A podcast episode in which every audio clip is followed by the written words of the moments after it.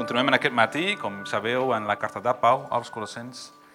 I avui comencem amb el segon capítol. I llegirem els primers set versets. Perquè vull que sapigueu quina gran lluita tinc per vosaltres i pels de l'Odissea i per tots els que no m'han vist cara a cara, a fi que els seus cors siguin encoratjats, units estretament en amor, i per tota riquesa de la plena seguretat de la intel·ligència per al coneixement del misteri del Déu i Pare i de Crist, en el qual estan amagats tots els tresors de la saviesa i del coneixement. I dic això per tal que ningú no us enganyi amb paraules persuasives. Perquè encara que estic absent en la carn, estic present amb vosaltres en l'esperit, alegrant-me i veient el vostre ordre i la fermesa de la vostra fe en Crist. Per tant, tal com vau rebre el Crist Jesús, el Senyor, camineu en ell, havent estat arrelats en ell i essent edificats a sobre i confirmats en la fe com vau ser instruïts, abundant-hi amb accions de gràcies. Aquesta és la paraula del Senyor.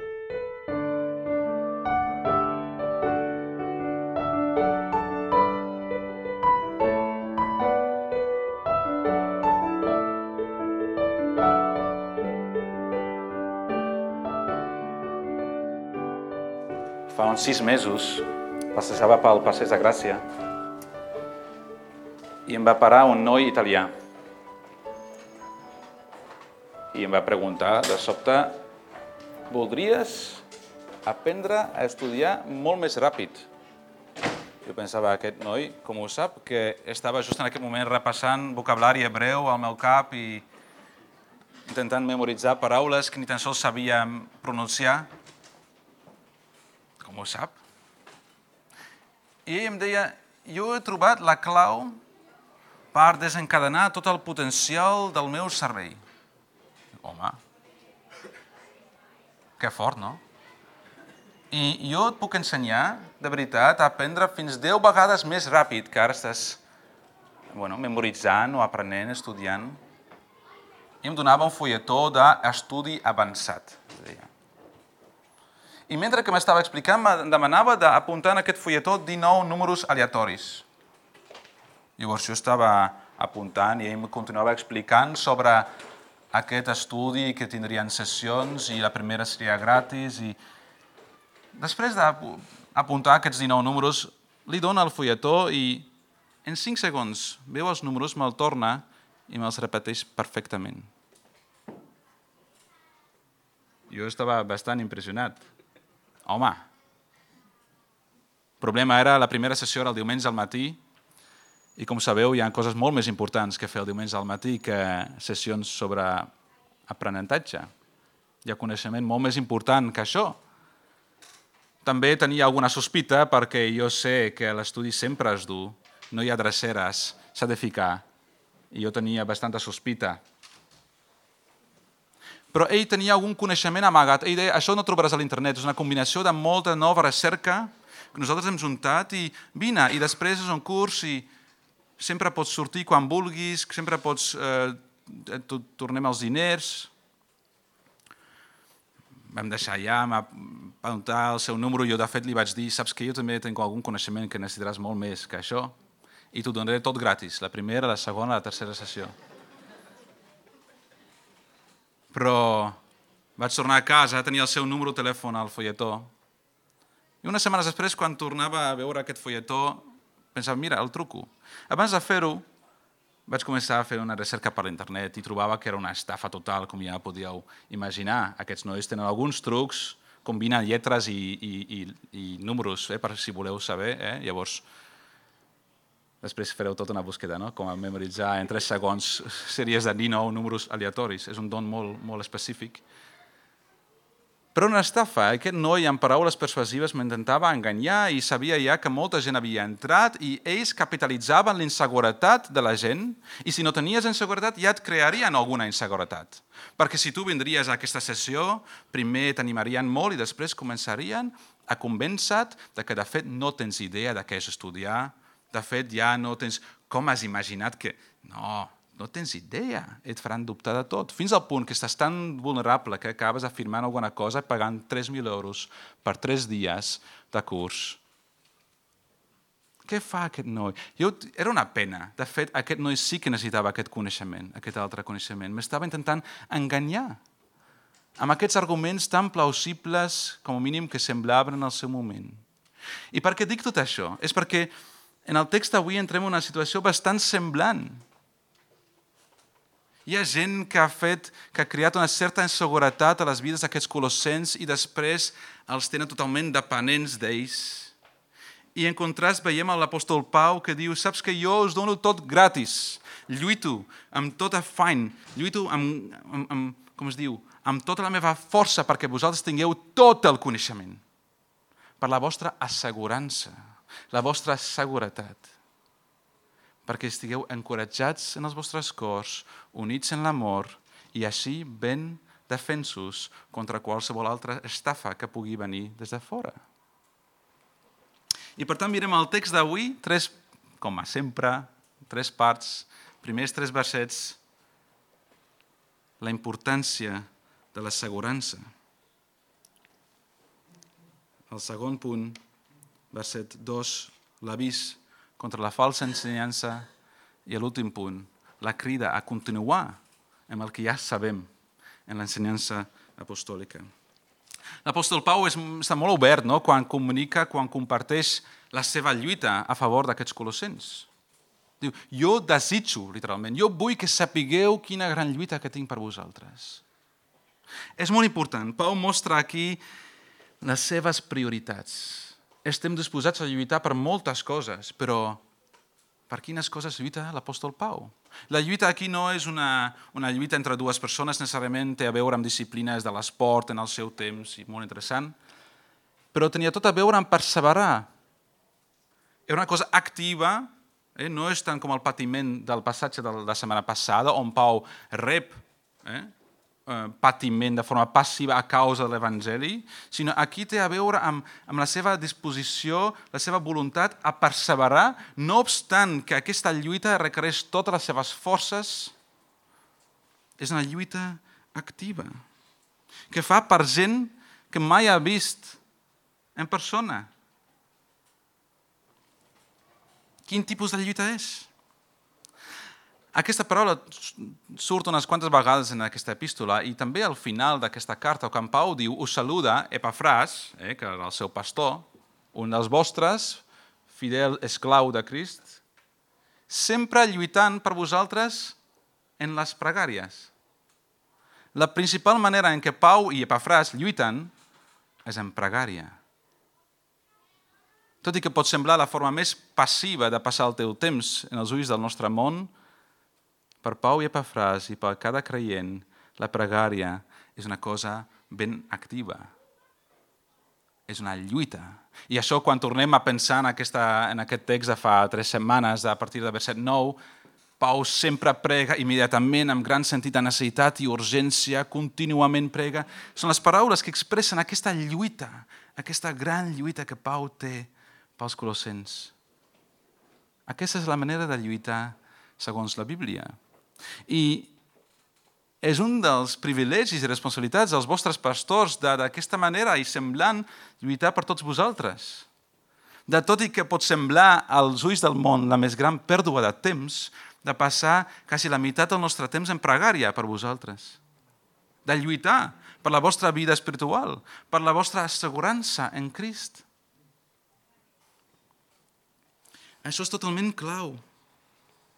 I és una tasca que tots som cridats a fer, a pregar l'un per l'altre, per molts motius, però principalment per aquests motius que compartim amb l'apòstol Pau i que ara veurem.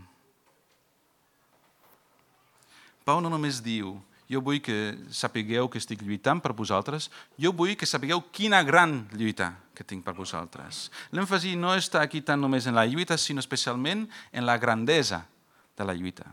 I per què és tan important? Està intentant evocar una certa compassió d'aquests colossens. Oi, pobret, com, com està lluitant? O, o ànims, mira com està lluitant per nosaltres. Podria ser la segona.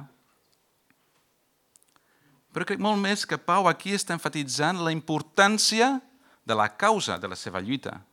Ja que lluito tan, tan gran per això, tinc una lluita tan gran per aquesta cosa, aquesta cosa, aquest resultat, aquesta, aquest propòsit de la meva lluita és totalment el més important de la teva vida. Per què està lluitant l'apòstol Pau? Està lluitant per l'assegurança d'aquests creients. L'assegurança. Aquestes frases dels primers versets del capítol 2 són difícils d'entendre, llavors entendre, intentem a, a desglossar una miqueta i entrar al seu significat, però bàsicament és això. Pau lluita per l'assegurança dels colossens. Com recordem, els colossens estaven molt insegurs hi havia un procés de creixement espiritual i, i tot i que no, aquesta heretgia no havia entrat de forma completa dintre de la congregació, hi havia tendències, havien sentit explicacions sobre coses que els feien dubtar de coses que ja sabien. Els creava una certa inseguretat. Aquesta inseguretat, com ja sabem, naixia d'un mirar contínuament al propi Malik, no? Com com d'espiritual ja ets tu, no? I ficant-se en un mateix clar, comença a comparar i crees una certa inseguretat. I què passa amb aquesta inseguretat? Les defenses baixen i estàs obert per qualsevol estafa, qualsevol falsa ensenyança que o sigui el món o falsos mestres els voldrien ensenyar.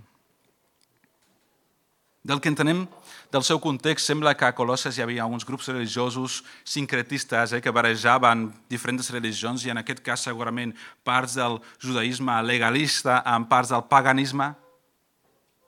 Tenien una barreja d'aquestes idees. I com passa també en moltes altres religions, havies d'entrar cada vegada més endins per de veritat formar-hi part havies de posar esglaons de coneixement, cada vegada una miqueta més de coneixement, i amb més coneixement, més poder, més seguretat. Si ho estic fent bé. Això podríem mirar a moltes religions, no? On que estem comparant amb una certa escala i estem mirant on estic ja, mira, vaig bé, i ens comparem després llavors també amb altres persones que ja estan més avançats en aquesta escala i ens comencem a comparar i, i a desitjar de potser arribar a aquest estat espiritual d'aquesta persona, d'algun guru il·luminat, però també a l'església evangèlica.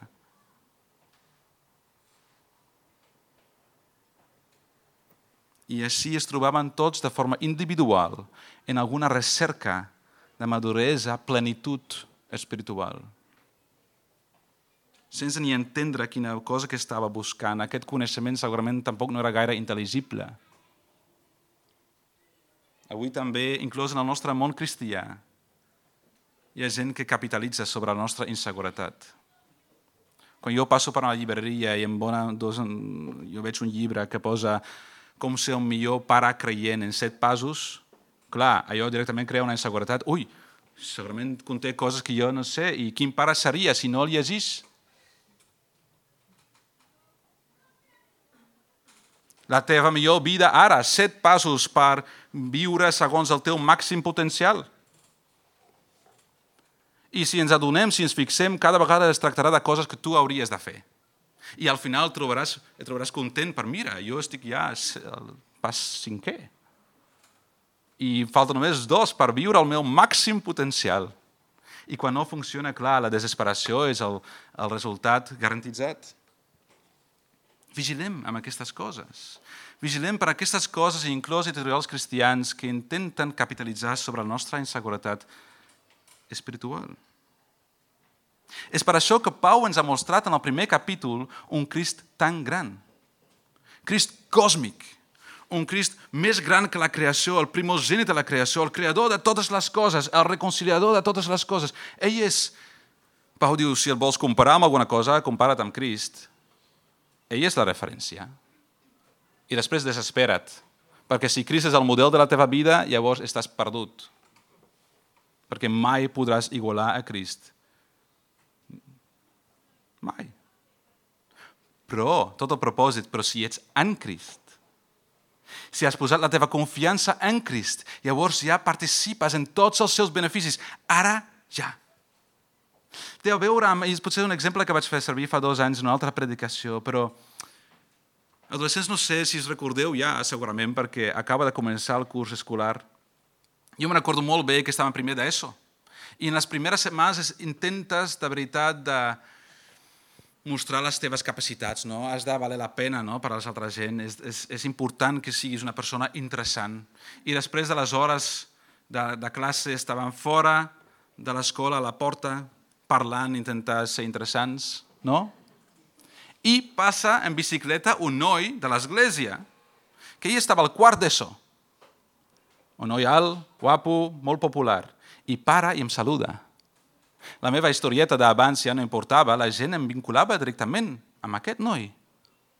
La seva glòria començava a resplendir en mi, d'alguna manera, no? Diu, ets, ets l'amic d'aquest? Això és d'alguna manera molt senzilla i totalment incompleta ser en Crist. Per Déu, quan ens mira, ja no ens veu a nosaltres mateixos, sinó veu a Crist mateix. I la seva justícia, la seva plenitud. Pau ha dit en capítol 1, 19, perquè en ell va plaure el Déu, com es diu, Déu fer habitar tota la plenitud de la deïtat. En Crist hi ha tota la plenitud de Déu mateix. I després diu, aquest és el misteri de Déu, Crist en vosaltres. Ah, doncs, pues, si la plenitud està en Crist i Crist està en vosaltres, i avui el misteri de Déu, Crist mateix, en qui estan amagats tots els tresors del coneixement i la saviesa. Pau diu això, per unió amb Crist, i aquesta és una paraula molt important, una expressió molt important, que segurament la setmana vinent anirem a estudiar un pèl més. Però ja teniu tot això. Ja sou complets, ja teniu la plenitud. Aquest és l'antidosi contra aquesta inseguretat. Per tant, deixem de mirar nosaltres mateixos i fem com Pau i contemplem a Crist. Mirem a Crist i el que ha fet per nosaltres. Deixem enrere aquesta autodeterminació arrogant de dir demà seré un millor cristià. I mira a Crist. Això és ser un cristià. No és ser un seguidor de Crist, és ser una persona unida per la fe amb Crist. Llavors, fem això. No, no ets capaç. Però ell ho és, i és suficient. Gaudeix de tots els seus beneficis en els quals pots participar plenament ara ja. Aquest és, és l'assegurança del que estem parlant, l'encoratjament del cor, el nostre consol. És d'aquesta manera que Pau ens parla en l'epístola d'avui. Contempla a Crist, la seva persona. Mira a Crist en cada moment, Crist com el creador de totes les coses, Crist com el reconciliador, Crist com el principi i el final. Pensa en això quan llegeixes la teva Bíblia, pensa en això quan fas el pla de lectura. Pregunta, com em mostra Crist i com el puc adorar en el dia d'avui? Fins que exclamis, aquest és el meu Crist i jo sóc trobat en ell. Quina alegria. Pau no lluita per capitalitzar el seu coneixement de Jesús, o per ser considerat una persona molt important o religiosa. No, lluita, treballa, s'afanya perquè ells tinguin tota la riquesa de la plena assegurança que ve de l'enteniment de conèixer a Crist. No dosifica.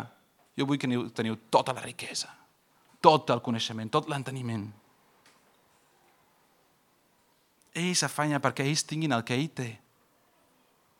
I què té l'apòstol Pau? Pau tenia moltes coses, eh?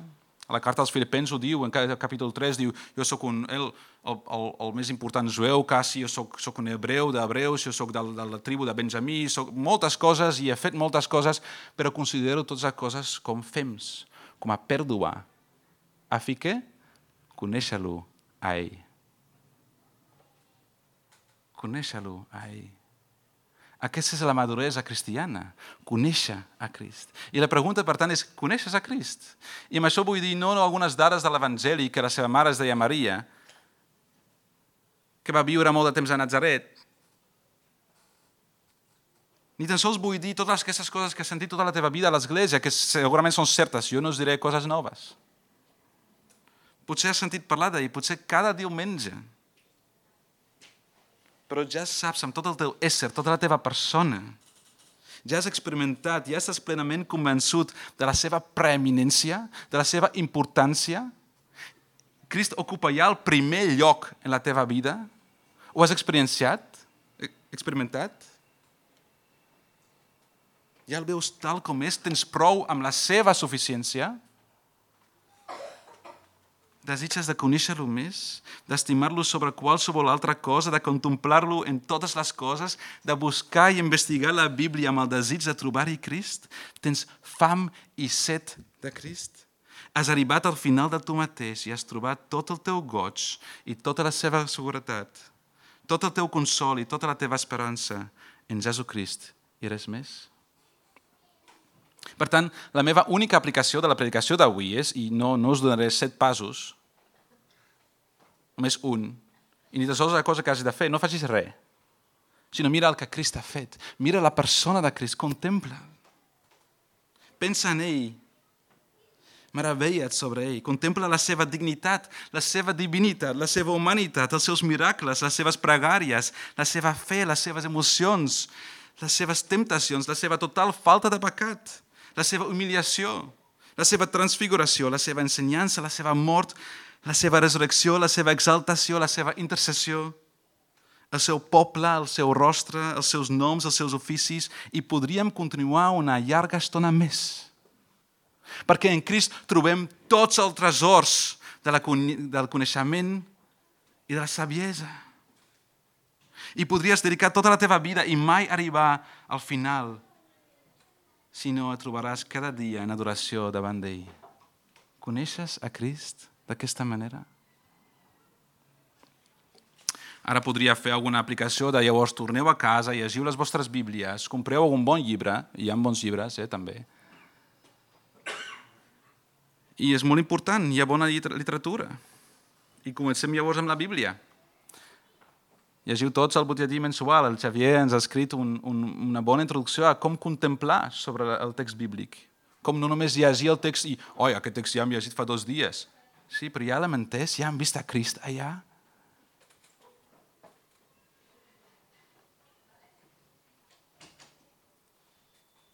Però aquest, aquest, aquest coneixement experiencial vindrà principalment enmig d'aquesta comunitat enmig de l'Església.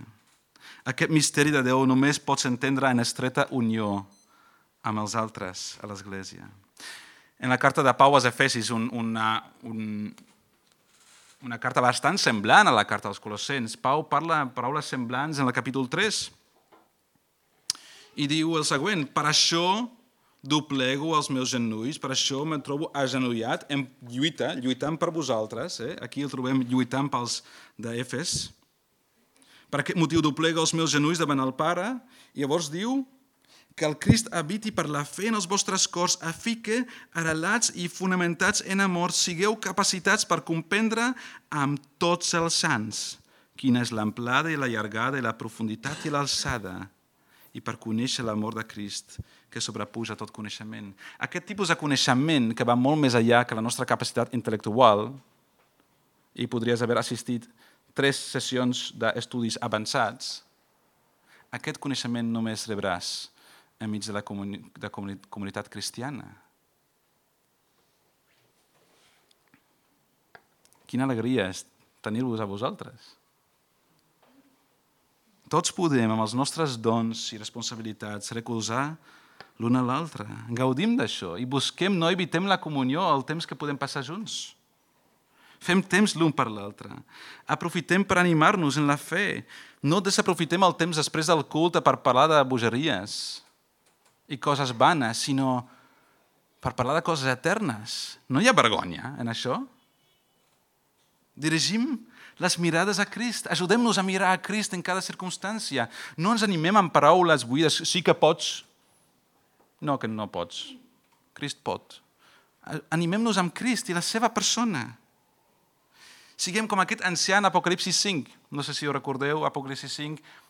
Joan veu Déu al, al, al tro i té un, un rotlla a la seva mà. Bàsicament representa i un àngel fort crida amb una veu molt forta i diu qui és digne de rebre aquest rotge? Qui és digne, qui mereix, qui és capaç de dirigir tota la realitat i les coses que encara han de passar? I aquí trobem el silenci més incòmode de tota la història, perquè ningú respon, ni al cel, ni a la terra, ni al mar, ni sota el mar. Un silenci absolut. I Joan comença a desesperar i comença a plorar. I s'apropa a un ancià i diu, no ploris, mira ja, el lleó de, del lleó de Judà ha vençut. Quina tasca més preciosa que tenim, no? Per mig de cada circumstància apuntar a Crist i dir, no ploris, perquè Crist ha vençut. Ajudem-nos a fer justament això, contemplar a Jesucrist. Ell és la nostra assegurança, la nostra garantia, la nostra esperança reservada al cel, la nostra esperança de la glòria, el nostre tresor, el nostre premi, el nostre amo, el tot i en tots. A més, en una comunitat on estem estretament units en l'amor, ja no et queda espai per comparar-te amb un altre, sinó si creixem, creixerem per definició junts. En la segona part, Pau escriu, jo dic això per què?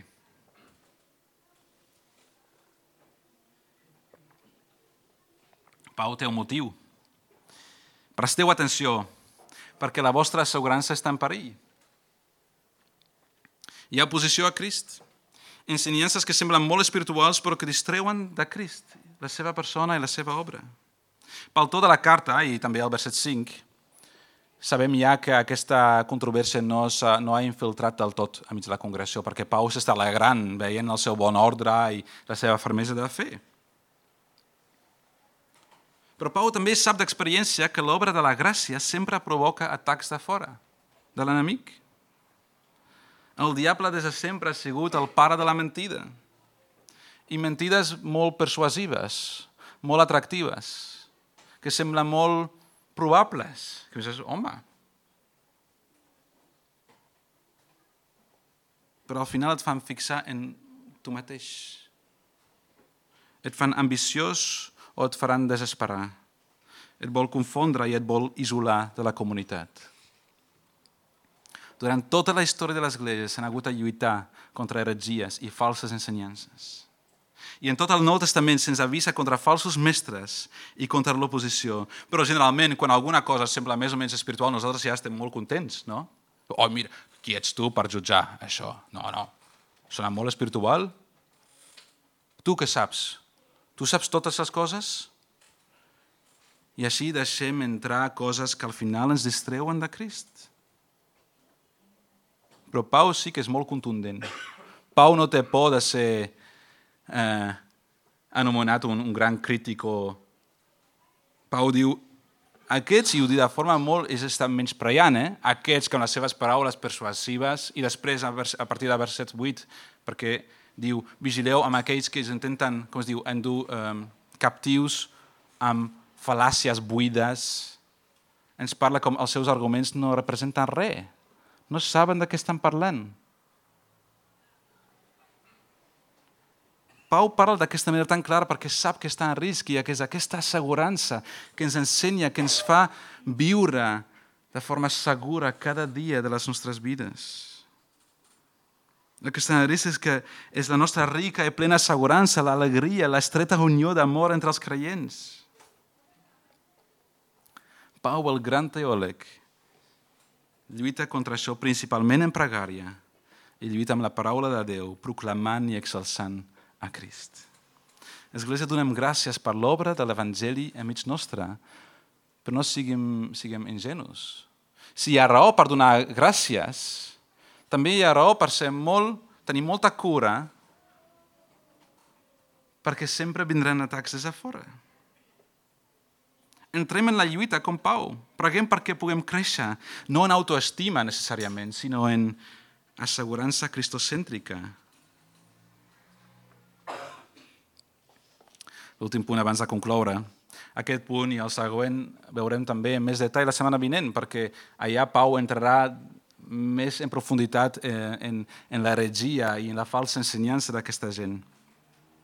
Però aquí ja en els últims versets de la passatge d'avui, Pau els crida a perseverar en Crist.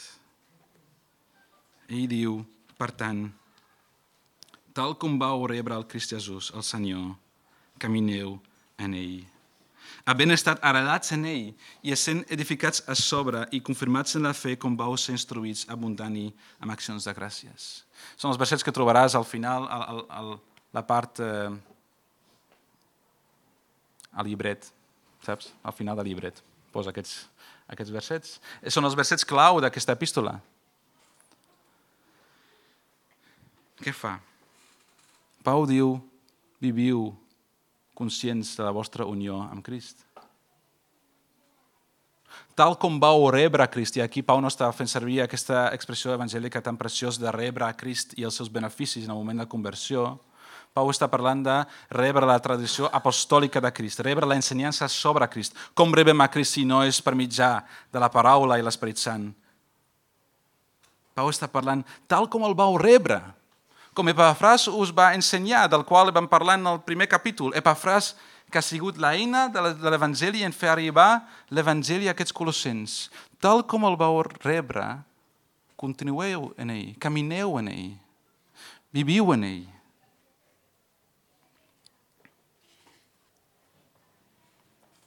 Pau ha tornat a remarcar el contingut d'aquesta ensenyança fins ara. Crist és l'imatge de Déu, Crist és la saviesa de Déu, Crist és el misteri de Déu.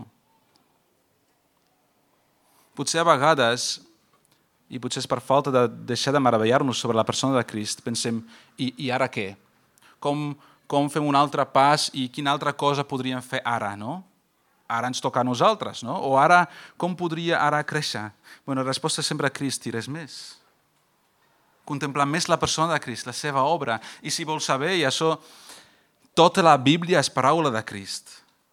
I quan llegim la Bíblia, allà ens podem meravellar sobre ell L'esperit és l'esperit que Crist ens envia, que ens capacita. Pau els crida, no desvieu, no us desvieu del que us van ensenyar, perquè no us avorrireu amb Crist. Si en ell hi ha tots els tresors de la saviesa del coneixement, tindrem prou amb ell ara i per l'eternitat. És impossible esgotar el tresor de Crist. No aneu més enllà de Crist. Tot comença amb ell en la teva conversió i ara el necessites pel teu creixement i el que necessitaràs pel futur i la teva vida eterna serà Crist, Crist i res més que Crist. Església, no siguem apàtics en la nostra contemplació de Crist. Potser no has experimentat així, perquè encara no t'has adonat com de meravellós és Crist. Potser creus en nom, soc cristià, algun dia em vaig batejar, però meravelles cada, meravelles cada dia sobre la persona de Crist. És el teu tot. Ho podem cantar, eh? només en Crist puc esperar. Però és veritat.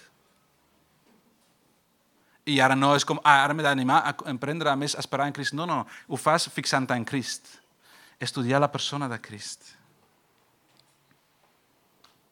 És el meu desig que veurem Crist cada dia més com és que ell sigui el més gran i més interessant en les nostres vides, el més digne de tota la nostra atenció, del nostre temps, de la nostra lluança, de les nostres vides senceres. I ara Pau comença a barejar metàfores, no?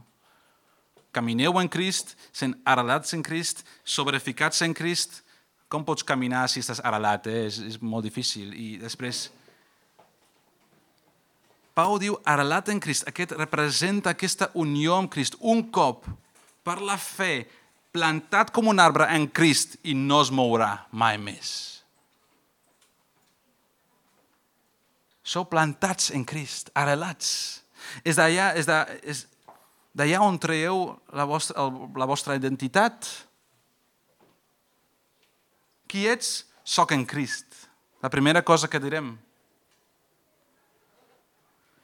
Segon,